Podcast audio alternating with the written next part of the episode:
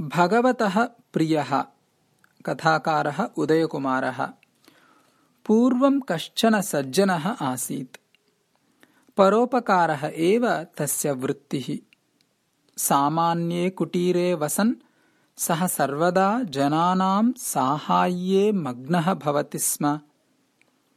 अथ एकदा रात्रौ स्वप्ने कश्चन देवदूतः प्रत्यक्षः भूत्वा अवदत् भोः मम हस्ते काचित् आवली अस्ति। ये भक्त्या भगवन्तं प्रार्थयन्ते तेषाम् आवली एषा।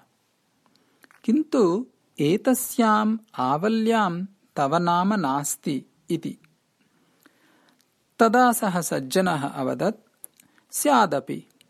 अहं तु आदिनं दरिद्राणां दीनानां च सेवायां निरतः भवामि तादृशानां सेवार्थमेव समयस्य अपर्याप्तता। अतः प्रार्थनार्थं मम समयः क्व? अन्यच्च मया प्रार्थनीयं किमपि नास्ति। भगवान् सर्वं जानाति एव।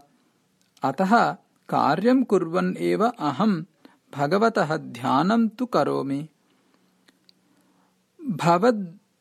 भवद्दस्तगतायाम् आवल्यां मम नाम नास्ति।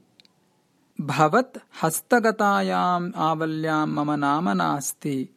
इत्यत्र अल्पमपि दुःखं नास्ति मम।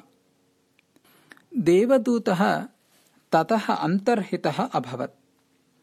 अनन्तरदिने रात्रौ अपि सः देवदूतः पुनरपि स्वप्ने प्रत्यक्षः अभवत् तदा सज्जनेन उक्तम्। पुनरपि किमर्थम् आगतम् भवता? मया भगवन्तम् उद्दिश्य किमपि प्रार्थनीयम् नास्ति ननु? इति। तदा देवदूतः अवदत् अद्य अन्यविधाम् आवलीं गृहीत्वा उपस्थितः अस्मि अहम्। सा आवली कीदृशी स्यात् चेदपि मम तु न आसक्तिः तत्र। भवदावल्याम् येषाम् नाम स्यात् तादृशान् भवान् पश्यतु। न तु माम् इति अवदत् सज्जनः। मम हस्ते स्थितायाम् आवल्याम् तव नाम आदौ एव अस्ति। ह्यः भवान् अवदत् मम आवल्याम् तव नाम नास्ति इति। अद्य भवान् वदति तव नाम आवल्याः आदौ एव अस्ति इति। किम् भवान् माम् विभ्रामयितुम् इच्छति? तथा किमपि नास्ति। अद्य या अस्ति सा तु भगवत्प्रियाणाम् आवलि। ये निःस्वार्थभावनया कार्यम् कुर्युः तेषु महती प्रीतिः भगवतः। ये सदा भगवतः स्तुतिम् कुर्वन्ति तेभ्यः अपि भगवन्तम् स्मरन्तः लोकसेवाकार्ये ये निरताः भवेयुः ते एव श्रेष्ठाः।